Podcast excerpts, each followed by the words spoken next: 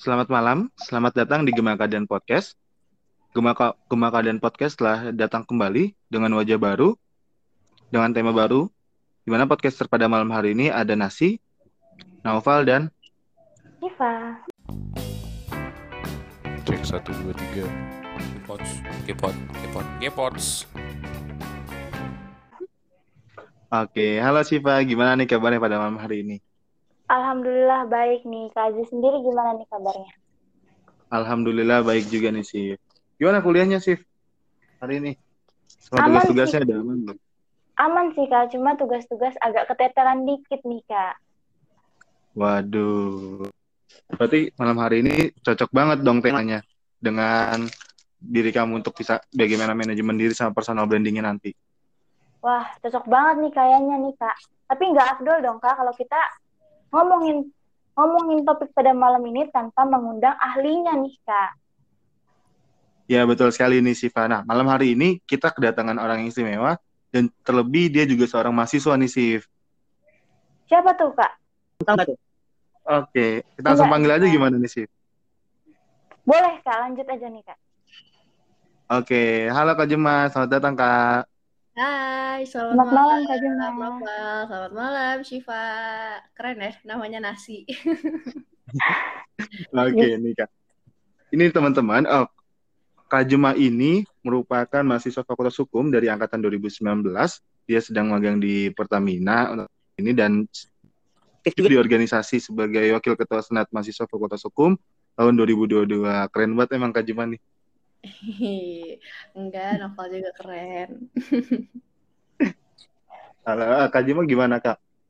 Tentang pandangan kakak nih terhadap manajemen diri sama personal branding. Kan mahasiswa itu udah sangat identik pendidikannya paling pendidikan paling tinggi. Dan terlebih nanti ke dunia kerja. Nah kan berarti kan penting banget sih Kak untuk personal branding. Kalau dari Kak Jema gimana nih Kak? Oke, eh, pertama mungkin eh, sebelum kita bahas dulu tentang eh, lebih jauh tentang manajemen diri dan personal branding, kita pasti pengen tahu dulu dong eh, gimana sih timelinenya seseorang yang eh, dulunya mungkin biasa aja itu bisa eh, memaksimalkan potensi dirinya dan bisa menjadi sangat luar biasa hanya dengan manajemen diri dan personal branding, ya kan? Nah, Iya jadi betul eh, pertama, untuk orang biasa yang pengen jadi luar biasa, hanya dengan manajemen diri dan personal branding, itu timeline-nya adalah yang pertama, sebelum melaksanakan manajemen diri dan si personal branding ini itu, you have to get to know yourself first, gitu. And then you analyze the strength, the weakness, the opportunity, and the threat within yourself, gitu. Jadi nanti setelah uh, kalian paham, ini kita mungkin santai aja kali ya. Pakai logo gue boleh nggak sih? Supaya Boleh, kita. Boleh Kak, boleh. Oke, ya udah.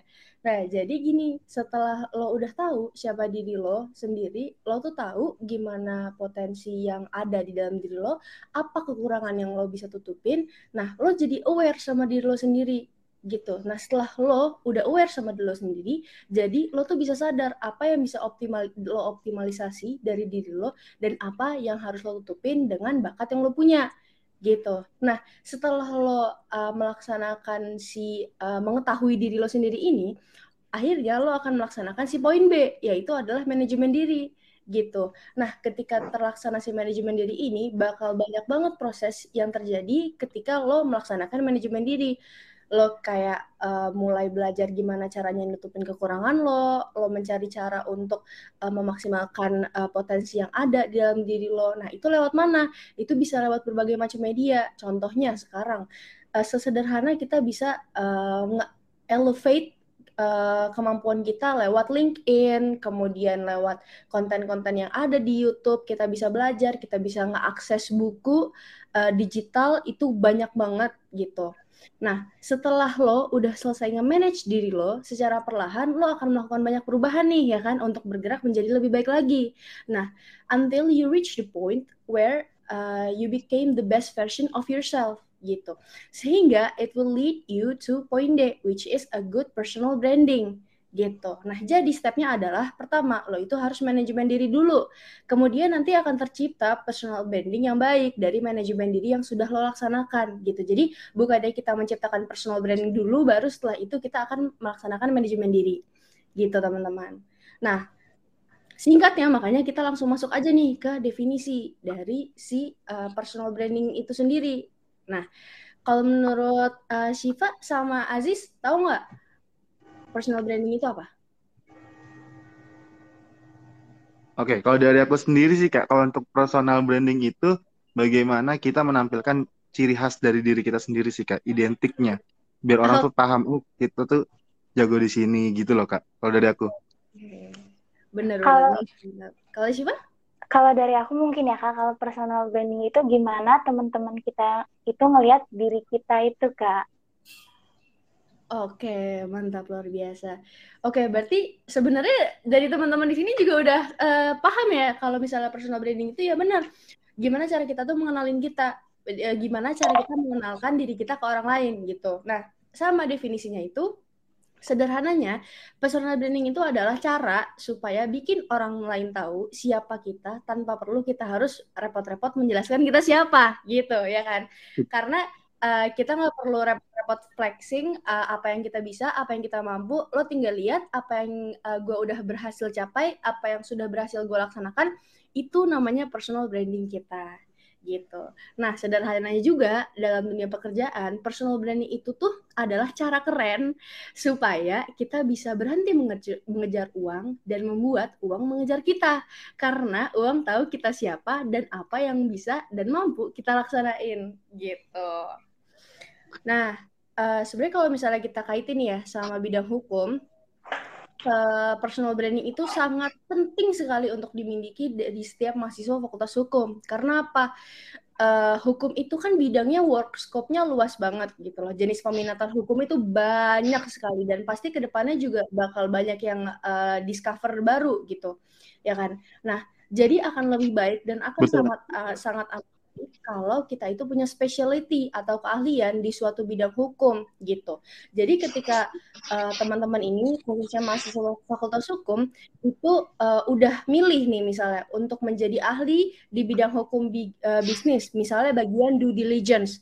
Nah, jadi uh, teman-teman tinggal uh, ningkatin aja skill dan kapabilitas teman-teman di bidang due diligence gitu. Jadi dari segala macam uh, aspek tentang auditing, prosesnya, tahap uji tuntas itu uh, kalian itu ha harus gain so much experience gitu loh tentang si due, diligence itu sehingga kalian menjadi ahli di situ dan ketika kalian sudah dewasa nanti sudah lulus orang-orang itu mengenal kalian oh ini misalnya si Novel Aziz ya atau si Shiva ya yang ahli tentang due diligence ya atau oh ini Novel uh, Aziz atau Shiva ya yang uh, ahli soal hukum perdagangan atau hukum kontrak itu. Besok-besok gue kalau misalnya mau uh, konsultasi ke dia aja ah gitu teman-teman. Gitu dulu sih, daging banget ini materinya ini terkait dengan manajemen diri sama Gimana nih sifat pandangan terhadap apa yang dijelasin sama Kak Jemat? Mena menarik banget nih Kak, apalagi aku paling suka poin yang kita sekarang udah nggak usah ngejar uang, tapi uang yang ngejar kita. Cocok banget tuh Kak. Iya. Nah, nah Kak Jema, gimana sih cara Kak Jema ini untuk memanajemen diri dan melakukan personal branding itu sendiri nih Kak Jema? Oke, baik. Nah, Berarti kalau misalnya kita uh, nanya nih, uh, misalnya Shiva itu tentang cara, berarti kan kita tentang bahas tentang mekanisme ya. Nah, jadi Betul, Kak. bakalan langsung uh, jawab aja, nggak pakai Fafifu, was was was, kita langsung jawab aja. Jadi kalau kita uh, bahas tentang uh, personal branding dan manajemen diri, uh, sederhananya gini, personal branding itu dibangun dari hal-hal kecil dalam keseharian kita sehari-hari Bahkan kadang kita tuh nggak sadar kalau kita itu sedang menerapkan manajemen diri dan personal branding gitu. Jadi dari sesederhana bagaimana kita bersikap, bagaimana cara kita berperilaku, dan bagaimana personal kita personal kita itu akan mencerminkan personal branding kita dan uh, mencerminkan apakah kita memiliki manajemen diri yang baik atau tidak gitu ya kan Nah, makanya uh, kadang kalau misalnya teman-teman sadar, itu setiap orang itu memiliki penilaian yang berbeda-beda kan terhadap kita, gitu. Misalnya kayak novel Aziz kenal aku sebagai orang yang seperti apa, kemudian Shiva juga kenal sama aku misalnya orangnya seperti apa. Itu kadang beda-beda nggak sih? Betul, Betul banget betul. Nah, tapi yang mau di-highlight di sini adalah gimana cara kita supaya bisa mempengaruhi uh, pandangan orang lain itu secara general terhadap kita, ya kan? Nah, uh, karena supaya apa? Ketika misalnya nih uh, namanya manusia itu pasti dia memiliki baik sisi, ya nggak sih? Nah, misalnya emang novel Aziz uh, punya pandangan yang buruk terhadap aku, tetapi gimana caranya supaya uh, aku bisa bikin uh, teman-teman dari Gema Keadilan secara general itu bisa mandang aku secara baik gitu ya kan makanya kita memerlukan personal branding oke okay. ya itu caranya dengan uh, adalah pertama you have to get yourself first gitu loh Ka kalian tuh harus tahu dulu gimana sih kalian kayak gitu apa kelebihan kalian seperti yang aku selalu bilang dari awal juga uh, semua kunci dari permasalahan itu adalah kita harus tahu diri kita sendiri dulu gitu. Setelah kita tahu, kita jadi bisa memaksimalkan gitu loh potensi yang ada di diri kita dan kita bisa nutupin kekurangan kita, ya kan? Nah, uh, rahasianya adalah lo harus bisa temuin keahlian yang orang lain itu tuh nggak punya.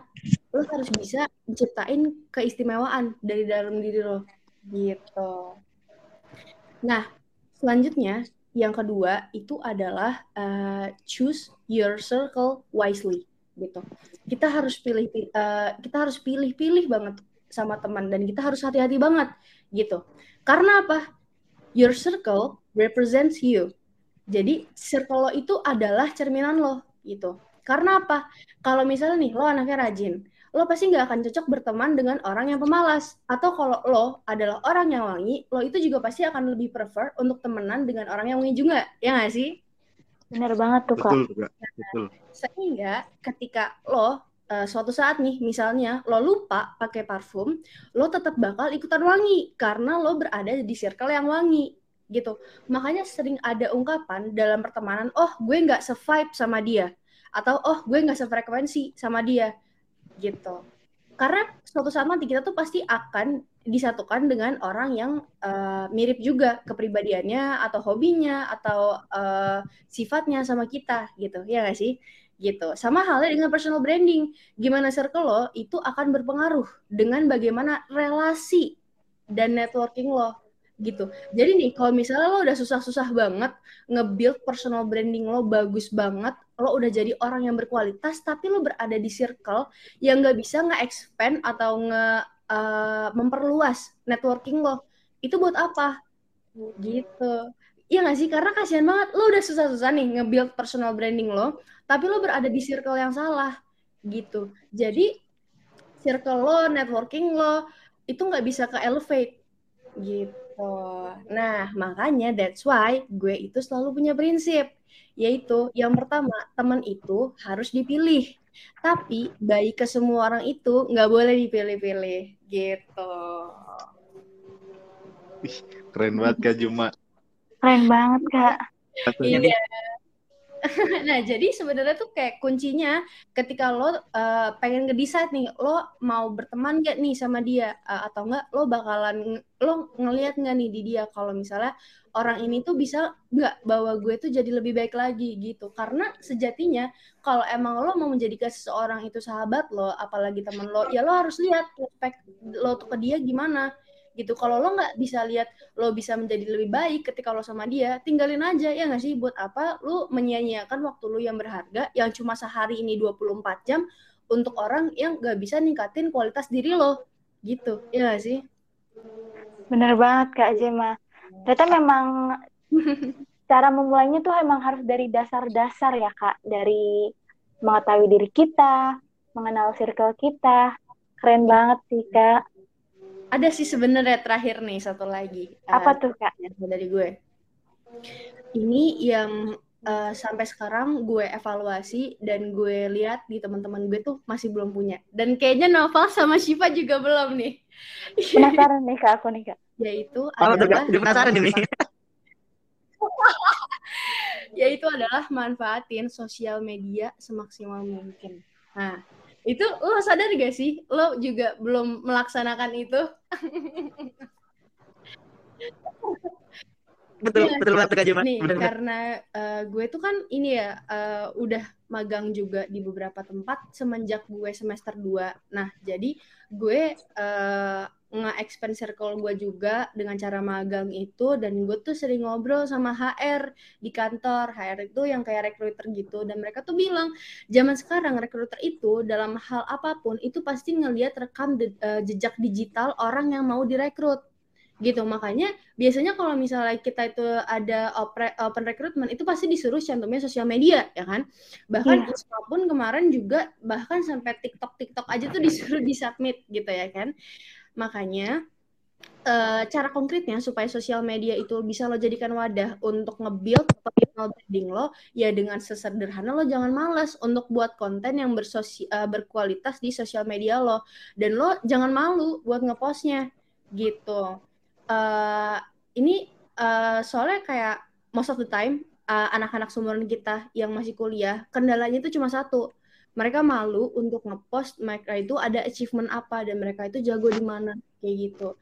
Tapi gue tuh nggak nemu poinnya kenapa kita harus malu gitu loh. Kayak misalnya ini gue kayak kalau misalnya gue habis dijadiin narasumber atau apa gue pasti langsung ngepost di story gitu. Karena pola pikir kita yang harus dibenerin. Buat apa kita malu untuk ngepost prestasi? Kalau misalnya kita ngepost untuk pamer-pamer, nah baru apalagi pakai duit orang tua, ya nggak sih? Gitu. Bener banget, Kak.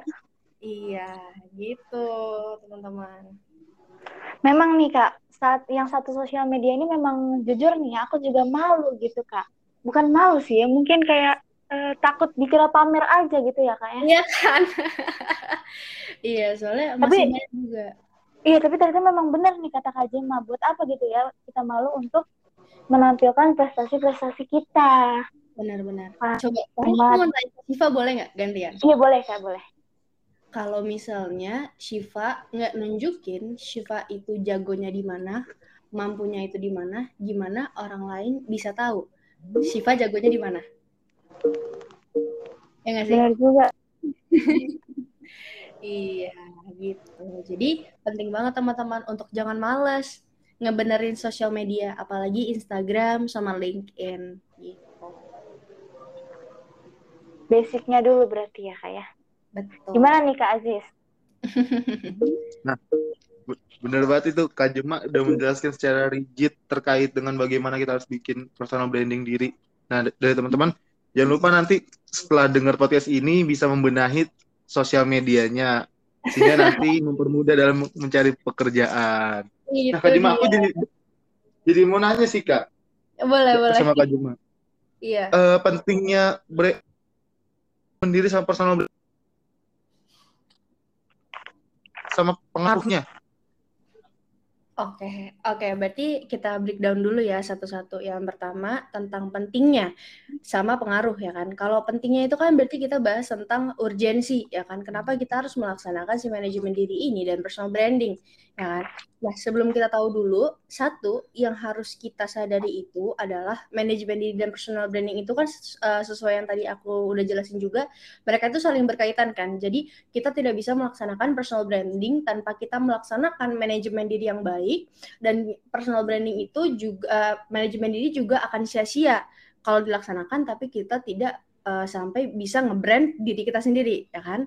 Nah, jadi urgensinya itu adalah tanpa manajemen diri kita tidak bisa menjadi the best version of ourselves dan kita tidak bisa nge-branding diri kita gitu. And vice versa tanpa dilaksanakan ya personal branding, manajemen diri itu yang sudah kita susah-susah laksanakan dan susah-susah lakukan, itu bakal sia-sia gitu. Sama kayak tadi yang udah aku tanyain ke Shiva, gimana caranya orang lain itu bakalan tahu kalau kita tuh keren banget, kalau kita tuh mampu, kalau kita tuh bisa, kalau kita itu nggak nge-broadcast kita itu siapa, gitu. Apa yang kita kuasain gitu. Karena sederhananya adalah cara supaya orang bisa tahu kita tanpa kita harus ngasih tahu kita siapa ya dengan naro di sosial media kita. Kita itu eh, keahliannya di mana? Gitu oke itu tentang urgensi nah eh, ini tentang pengaruh nah oke jadi sebenarnya kalau eh, di breakdown satu-satu ya poin pembahasan di podcast ini yang penting yang paling penting itu adalah pengaruh yang pengen aku jelasin ini adalah pengaruh dari kalau misalnya kita itu melaksanakan personal branding dan juga manajemen diri secara baik. Karena pengaruhnya itu dan dampaknya sangat amat luar biasa dahsyat. Gitu. Karena penjelasannya gini, uh, banyak sisi yang dimiliki oleh seseorang, ya kan? Makanya tadi yang seperti yang udah aku jelasin juga, uh, makanya beda uh, beda orang bisa beda persepsi terhadap kita, ya kan? Nah, Uh, tapi rahasia yang pengen aku kasih tahu di sini adalah seberapa baik kita bisa nge-build personal branding kita itu akan berbanding lurus dengan bagaimana mayoritas orang mandang. Gitu. Aku ulang ya. Jadi, seberapa baik kita bisa nge-build personal branding kita itu akan berbanding lurus dengan gimana mayoritas orang mandang kita. Jadi kalau kita uh, nge-build personal branding kita bagus, itu orang-orang itu akan empati dan simpati kepada kita gitu. Jadi bisa sepowerful itu kalau kita tuh bisa berhasil nge-build nge-build personal branding kita gitu. Jadi singkatnya kita tuh dimaklumi gitu loh kalau ketika ada di, di beberapa sisi kita itu melaksanakan atau membuat kesalahan gitu. Jadi bisa sampai sepowerful itu.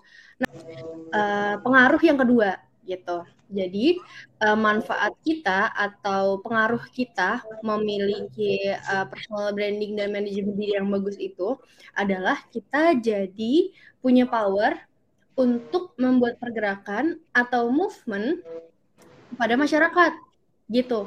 Nah, karena ketika personal branding kita itu sudah bagus, maka masyarakat itu kan bakalan percaya nih sama kita. Nah, mereka itu bakalan numbuhin trust dalam diri mereka terhadap kita gitu. Nah, jadi ketika misalnya uh, ada kita lagi di, uh, dibutuhkan uh, sebuah lowongan dalam sebuah pekerjaan atau kita dibutuhkan dalam suatu acara, itu masyarakat itu, itu langsung milih kita karena mereka itu percaya sama kita gitu.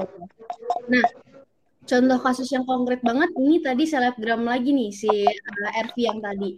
Uh, dia itu sempat masuk rekor muri teman-teman karena dia bisa ngumpulin sumbangan pas ada di tsunami itu di NTT atau uh, di Palu kalau nggak salah aku lupa itu sampai 10 miliar gitu itu bener-bener luar biasa banget loh teman-teman karena nggak sembarangan orang bisa dipercaya sama stranger uh, istilahnya sama netizen untuk jadi wadah untuk menyampaikan uang sebanyak 10 miliar, ya nggak sih?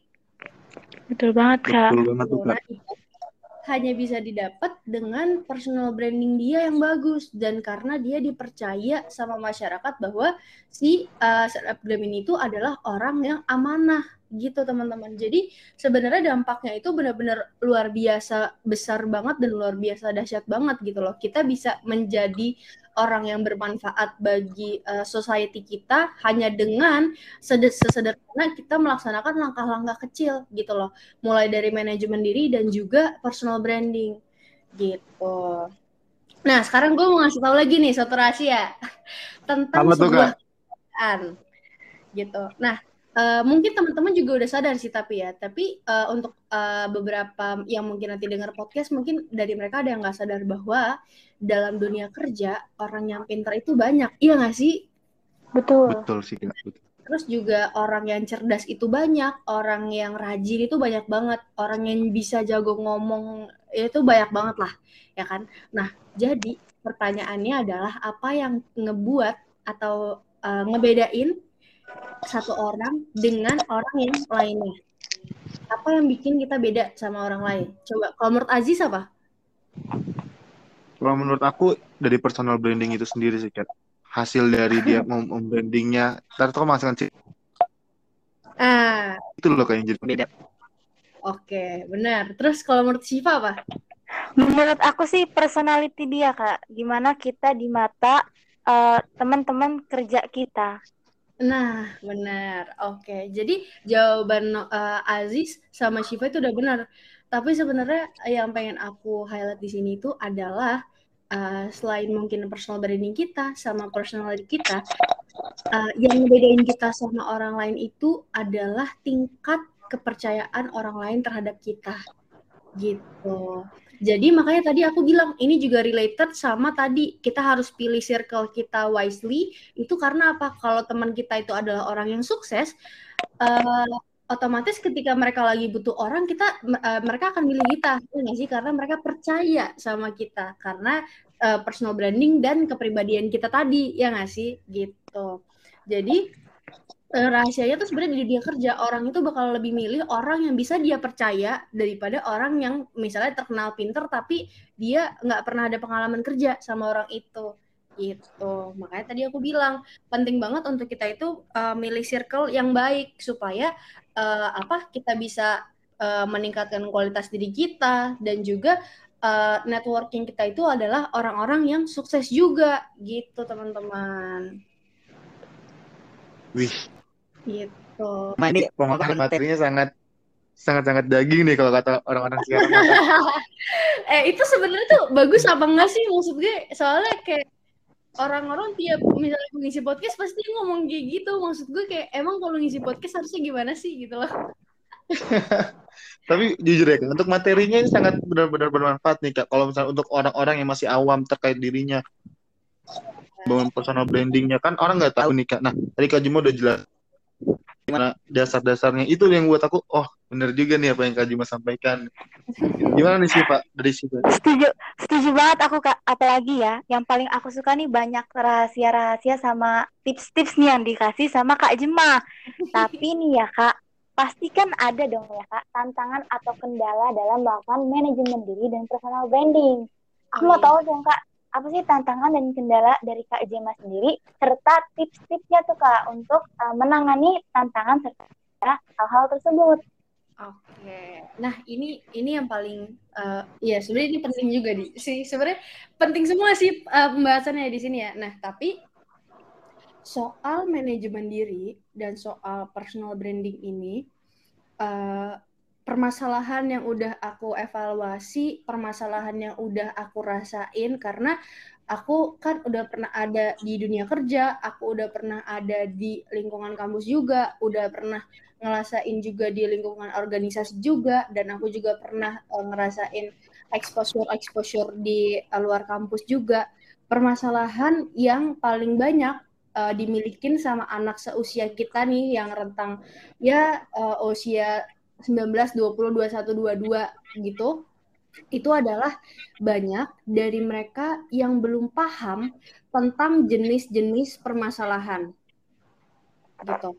Nah, jadi uh, untuk uh, Aziz sama Shiva di dunia ini, kalau menurut aku jenis masalah itu ada tiga berdasarkan skala prioritasnya. Yaitu pertama, masalah yang urgent, kedua masalah yang mendesak, dan ketiga masalah yang gak bisa kita kendaliin gitu. Coba ya aku ulang lagi. Jadi yang pertama masalah yang urgent, kedua masalah yang mendesak, ketiga masalah yang gak bisa kita kendaliin gitu. Urgent itu biasanya dia uh, berkaitan tentang uh, kepentingannya, tingkat kepentingannya, penting banget, penting aja atau penting banget banget banget banget banget atau nggak penting gitu. Uh, kalau mendesak itu terkait uh, ini buru-buru harus diselesaikan atau tidak atau bisa diselesaikan nanti atau harus segera sekarang gitu. Nah tentang masalah yang nggak bisa dikendalikan itu gini. Jadi kadang dalam hidup itu kita sering ngadepin situasi di mana kita itu dihadapkan dengan sebuah masalah yang kita tuh nggak bisa ngelakuin apa-apa gitu loh atas masalah tersebut dan cuma bisa nerima gitu Nah, contohnya nih soal personal branding yang paling common banget dihadapin sama semua orang itu ketika personal branding kita tuh udah bagus, biasanya uh, tantangannya itu adalah kita difitnah atau kita kegoreng isu. Wah, itu pasti kalau masyarakat-masyarakat fakultas hukum, bah itu sering banget ya kegoreng-kegoreng isu tuh karena biasanya ada ungkapan tembok di FH pun berbicara, ya kan? Benar banget, ya. Nah, atau misalnya tiba-tiba nih kita diputusin pacar kita tanpa alasan yang jelas. Nah, itu dia. itu juga kita nggak bisa ngelakuin apa-apa gitu ya kan kalau gitu kan jelas ya kita tuh nggak bisa ngelakuin apa-apa gitu karena kan gak kita memberikan kayak klarifikasi di sosial media uh, tentang isu yang nggak jelas itu yang menerpa kita ya kan nah jadi yang hanya kita bisa lakukan itu ya udah kayak anggap angin lalu aja dan terima gitu ya kan nah permasalahannya adalah uh, yang kadang kita itu nggak sadar, kita itu malah berkutat sama sesuatu yang nggak bisa kita kendaliin atau nggak bisa kita kontrol, gitu. Uh, contohnya isu tadi, gitu. Uh, jadi ketika kita diterpa isu kita malah jadi fokus. Gimana nih caranya supaya orang nggak ngomongin gue lagi? Padahal itu nggak bakal bisa gitu. Ya kan? Karena kayak kita nggak mungkin ngejelasin ke semua orang yang ada di bumi ini kita itu gimana kita itu kayak uh, nggak ngelakuin kesalahan yang kita uh, kita lakuin itu atau yang ketika kita difitnah kita kan nggak mungkin. Jadi uh, solusi terbaiknya adalah kita cuma bisa nerima dan kita tutup kuping. Gitu. Ya kan? Gitu. Sama halnya kayak uh, hujan kita lagi naik motor nih, terus tiba-tiba di tengah jalan hujan gitu. Ya kita kan nggak bisa ya ngendaliin hujannya, ya kan? Kita nggak mungkin, kita bukan Rara, kita bukan pawang hujan, ya gak sih? Betul, betul. Jadi yang bisa kita uh, laksanakan itu adalah sesederhana mengendalikan perasaan kita supaya kita nggak bete dan kita manage perasaan kita supaya kejadian yang uh, agak bikin bete tadi itu tidak mengendalikan uh, keseharian kita selanjutnya dan gak ngerusak fokus utama kita dan gak ngerusak mood kita untuk melanjutkan sisa hari. Itu makanya itulah maka, uh, pentingnya kita tuh melaksanakan manajemen diri dan manajemen perasaan dalam emosi dalam diri kita supaya sesimpel sebenarnya tuh kita butuh gitu loh untuk bisa nenangin diri kita sendiri ketika kita lagi bete gitu. Kalau anak-anak sosial kita kan biasanya kalau bete ya minta dihibur sama pacarnya, ya nggak sih? Nah, bakalan keren banget dan dan bakalan ngebantu banget kalau misalnya kita itu bisa jadi sosok yang bisa nenangin diri kita sendiri ketika kita lagi bete gitu eh, dengan cara manajemen diri, tahu diri kita seperti apa, dan akhirnya kita tuh bisa ngadepin segala situasi, baik ketika kita lagi santai maupun ketika kita lagi under pressure. Gitu. Bener banget tuh Kak. Berarti memang uh, kuncinya tuh jangan nunggu dihibur ayang dulu ya Kak. Harus bisa menghibur diri sendiri. Bete karena belum dihibur ayang. nggak mau makan karena dihibur ayah. Nggak boleh gitu ya teman-teman. Iya gitu. Oke. Okay. nah.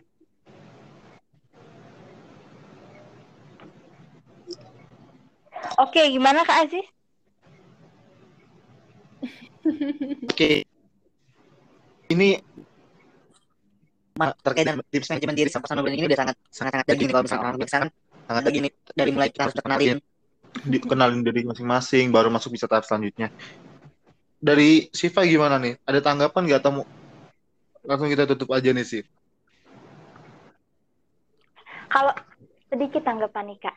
Abis dari dengerin penjelasan kak Jema aku bener-bener langsung memanage sosial media aku sih kak. Kayak mungkin ini gepot nih bakal aku taruh nih di IG ku nih Nah, iya gitu dong. Harus bangga kalau berprestasi. Iya, bener, Aku baru sadar nih. Thanks banget nih buat Kak Jema nih tipsnya. Iya, keren banget emang Syifa sama Aziz. Makasih, Kak. Iya, sama-sama teman-teman. Oke, Kak. Oke, Kak Jema, aku mau langsung ke ini nih, aku mau langsung dari apa yang sudah Kak Jema sampaikan tadi. Jadi teman-teman nih jangan lupa kenalin diri masing-masing teman-teman untuk bisa manajemen diri. Nah, eh, setelah masuk manajemen diri, teman-teman jangan lupa nih nanti mencari potensi yang ada di dalam diri teman-teman. Dan jangan lupa juga tetap memilih teman yang ada di sekitar kalian karena itu akan berdampak kepada diri sendiri dan ketika udah berhasil nih teman-teman nanti manajemen diri akan tercipta personal branding itu sendiri dan dari hasil buahnya adalah kita bisa menciptakan uang yang mengejar kita. Ya, benar nggak tuh Kak Juma? Wah, luar biasa. Benar sekali, teman-teman. Ini mungkin sebelum ditutup, aku boleh nggak nih nyampain satu terakhir aja closing statement dari aku? Boleh, boleh Kak Juma. Oke, ini mungkin uh, sebelum uh, ditutup ya sama Aziz sama Shiva, uh, aku mau nyampaikan satu hal bahwa uh, di dunia ini, di dunia yang sangat singkat ini, hanya ada dua jenis golongan manusia. Yaitu yang pertama, golongan orang-orang yang membuat perubahan, atau kedua, golongan orang-orang yang menerima perubahan. Nah, jadi teman-teman uh, di dunia yang singkat ini kalian tinggal pilih kalian ini mau jadi orang yang membuat perubahan atau orang yang menerima perubahan yang dibuat sama orang lain. Tapi daripada kita hanya bisa menerima perubahan, kenapa nggak kita bisa manfaatkan uh, diri kita semaksimal mungkin, kita jadi the best version of ourselves, kita build personal branding kita supaya kita bisa buat perubahan dari langkah-langkah kecil yang biasa kita laksanain setiap harinya. Sehingga dengan power dari personal branding yang kita milikin, power dari manajemen diri yang kita milikin, kita bisa merubah society kita menjadi jauh lebih baik lagi. Gitu. Mantap banget Kak Juma closing statementnya. Aduh, nggak bisa berkata-kata aku kak. iya, aduh makasih banyak banget ya Shiva sama Nafalazi sebelumnya udah um, juga, juga untuk ngobrol di sini. Sebuah kehormatan banget bisa diajak sama teman-teman Gema Keadilan. Terima kasih Kak Najma sudah bisa hadir pada malam hari ini. Semoga Kak Najma sehat selalu dan sampai jumpa kepada teman-teman yang telah setia mendengarkan Gema Kalian Podcast dan sampai jumpa di Gema Kalian Podcast selanjutnya.